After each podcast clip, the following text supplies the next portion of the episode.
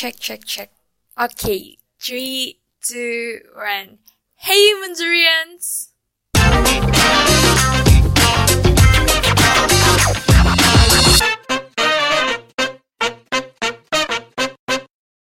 Hai hai guys, balik lagi bersama gue Ciara di podcast Munzer University Week episode pertama.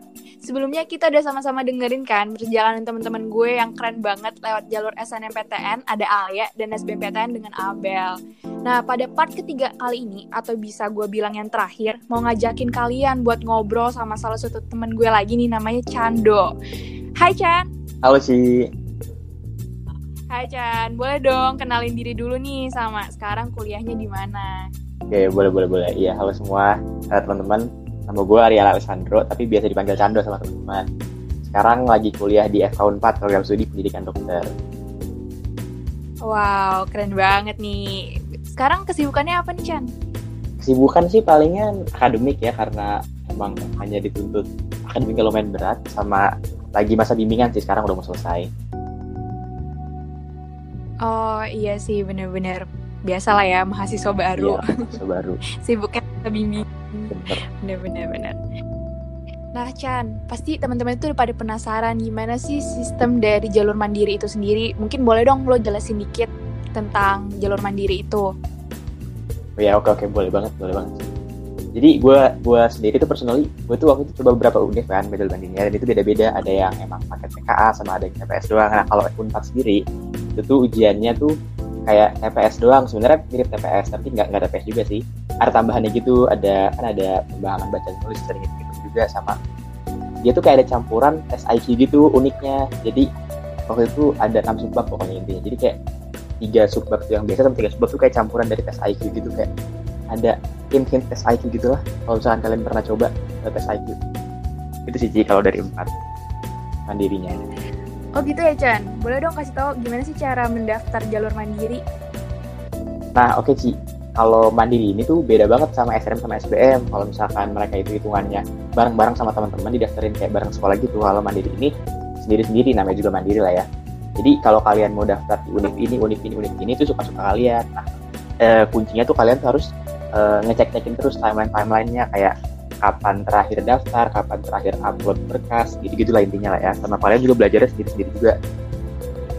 Palingan udah sih, Bener. udah sih. Iya sih bener, kalau di mandiri tuh kita lebih fokus buat nyari informasinya gitu kan jangan sampai kita ketinggalan informasi terus akhirnya lewat dari masa pendaftaran dan akhirnya kita nggak bisa ikut tesnya Iya bener Nah, banget. setahu gue juga ada universitas yang malah dia eh, nambah kuota gitu nggak sih buat pendaftarnya. Jadi itu infonya bener-bener baru ada. Nah karena itu kita harus banget terus pantengin di website mereka atau Instagramnya mereka gitu kan Chan. Bener banget. Kalau nggak salah yang pas tahun kita itu kayak univ-univ kayak undip itu pernah ngadain yang gelombang dua terus kalau nggak salah seingat gue juga uner juga ada gelombang duanya jadi emang kalian harus ngecek-ngecek sering-sering ngecek lah kalau mandiri gitu jadi kalian harus benar-benar inisiatif sendiri buat nyari-nyari informasi Bener-bener. Ya namanya juga mandiri kita harus mandiri nggak sih Chan? Bener-bener. Oke. Mau tau dong Chan pengalaman lo mulai dari eh, mungkin UN ya persiapan UN kan masih ada tuh kita persiapan UN sampai lo mempersiapkan mandiri ini gitu. Gimana tuh Chan? oke oke berarti gua berarti hitungannya kayak dari awal kelas 12 ya ya awal kelas 12 biasa sih gue masuk tapi gue kayak kalau awalnya kayak kelas 10 kelas 11 itu kayak lumayan agak-agak males belajar gitu ya kelas 12 ini agak-agak dikejar dikit karena materi lumayan banyak sama waktunya juga sebentar. Waktu itu kan ada persiapan UN sebelum di cancel UN gara-gara corona ya.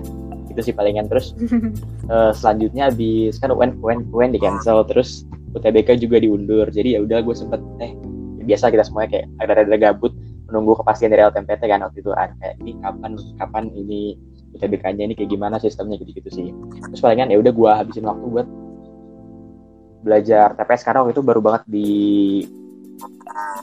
diumumin kalau misalnya UTBK itu TPS doang kan? Ya udah akhirnya gue mulai-mulai di jajal TPS lah intinya lah ya. Sampai ya udah sih sampai UTBK hari UTBK terus habis itu waktu itu tuh zaman kita tuh kan ini ya eh UTBK belum dikasih tahu tapi kita udah ujian mandiri dulu kan. Jadi kayak kalian belum tahu hasil tapi kalian coba-coba daftar di semua gitu kan.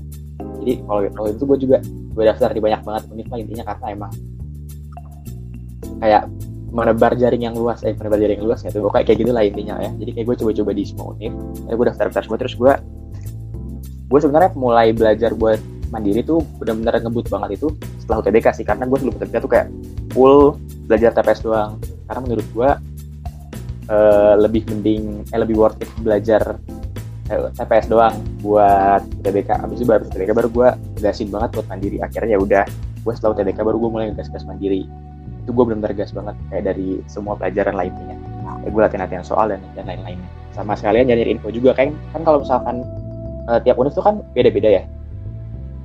Kayak misalnya ITB itu kan kayak rapot doang berarti kayak ya udah. Terus kalau misalkan UI itu butuh ini kan butuh nilai TKA juga yang dari simak UI kan gitu sih gue cari gue nyari info ya, belajar belajar nyicil nyicil kayak jual juga sih ngebut karena udah selesai UTBK untungnya gue dapet UTBK tuh awal-awal jadi kayak gue punya waktu banyak gitu lah untuk belajar Siki Oh iya, iya sih bener UTBK kan dibagi beberapa sesi kan ya bagus juga sih sebenarnya kalau kita ngambil di awal kita bisa mempersiapkan mandiri kita lebih cepat lagi gitu. Bener banget nah, di awal.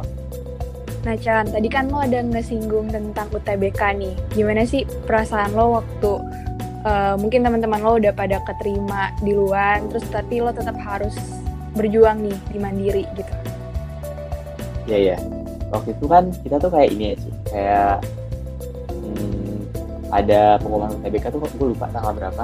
Pokoknya gue juga bulan apa, pokoknya kalau nggak salah tanggal 14-an, terus baru pengumuman pokoknya pertengahan lah pertengahan bulan terus pengumuman mandiri mandiri biasa tuh tanggal 20-an kan ya udah sih waktu itu gue kayak kalau pas nggak terima pas nggak lolos lebih kayak pastilah kecewa dulu ya awal-awal ya tapi ya udahlah karena gue mikir masih ada yang lain gitu masih masih ada kesempatan lain kayak dari mandiri terus ya udah.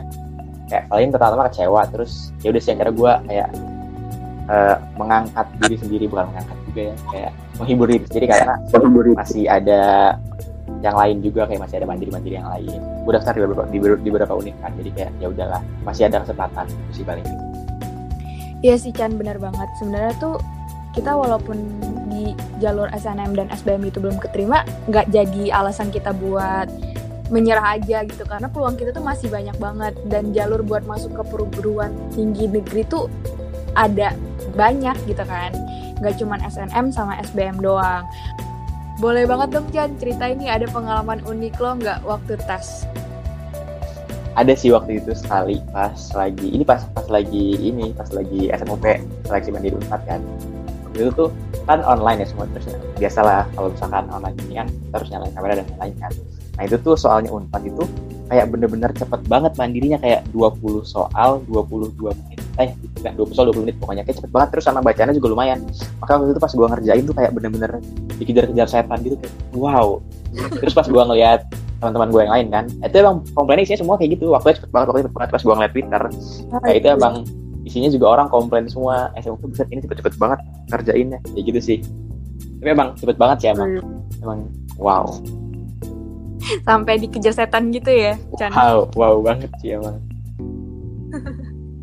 Nah, Chan, ada nggak sih perbedaan yang signifikan antara jalur mandiri sama jalur lainnya pas masuk kuliah? Oke, oke. Ini mungkin banyak yang miskonsepsi juga ya, Ci ya, kalau permasalahan gini. Kalau dari pengalaman gue sendiri sama yang setahu gue ya, itu tuh nggak ada bedanya gitu. Itu cuma itu tuh cuma kayak kalian masuk kelas mana, jadi sama aja sebenarnya pas masuk kalian kalian sama-sama aja kayak sama-sama satu mahasiswa satu al satu alma mater dari itu nggak ada yang ngebedain gitu loh. Paling yang beda cuman kalau misalkan anak SNM tuh biasanya lebih lebih panjang, itu aja sih. Kalau mah sama semua.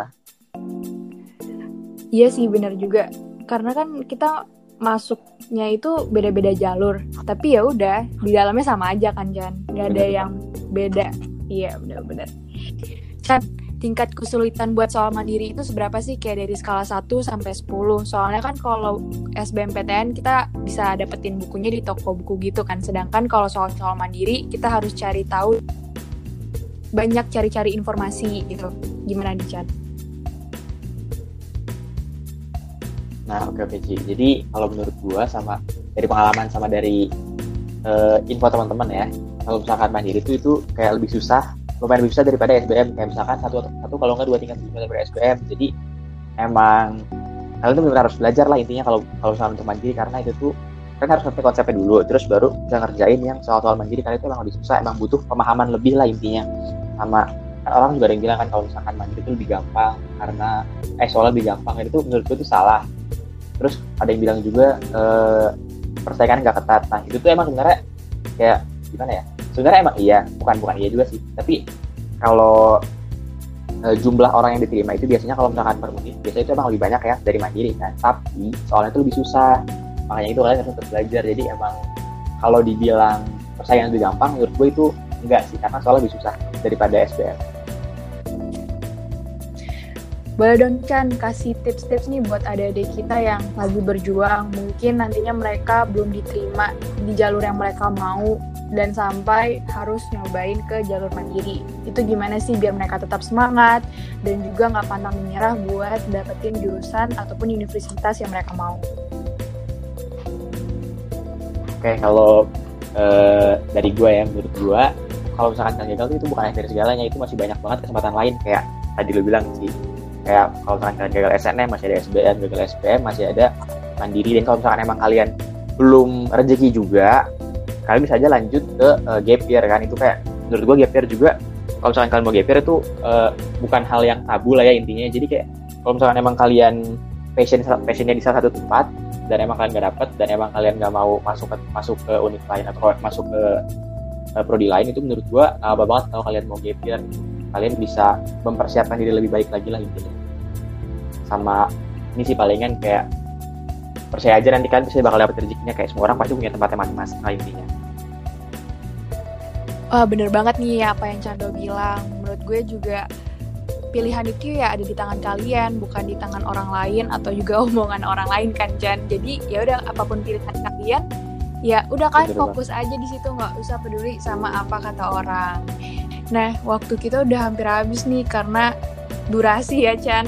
Mungkin bagi teman-teman yang masih pingin nanya-nanya nih ke Cando tentang FK Unpad atau juga pingin nanya-nanya tentang jalur mandiri, boleh banget tanyain Cando di Instagramnya at di @ariel_alessandro. kita bakal taruh juga kok Instagramnya di caption di bawah. Oke teman-teman, kalian yang mau dengerin lagi episode 1 part sebelumnya boleh banget langsung didengerin aja atau bisa lewat Spotify dan tungguin episode-episode berikutnya yang pastinya nggak kalah serunya. Nah, Chan, ada yang pingin lo sampein lagi nggak nih ke teman-teman? kalau pesan gua untuk teman-teman semua yang sekarang masih SMA sih menurut gue sih tetap semangat aja kalian belajarnya terus eh, jangan ragu juga kalau kalian emang pengen ngejar mimpi kalian karena nanti kalian akan menjalani kan terus kalau misalkan nanti di tengah jalan kalian itu ketemu kayak kegagalan menurut gue itu santai aja karena itu bukan akhir segalanya kalian tetap, em, bangkit dari kegagalan terus sama mengejar mimpi kalian lainnya Wah, keren banget nih Cando. Nah, buat teman-teman, pantengin terus ya episode-episode selanjutnya. Dadah! dadah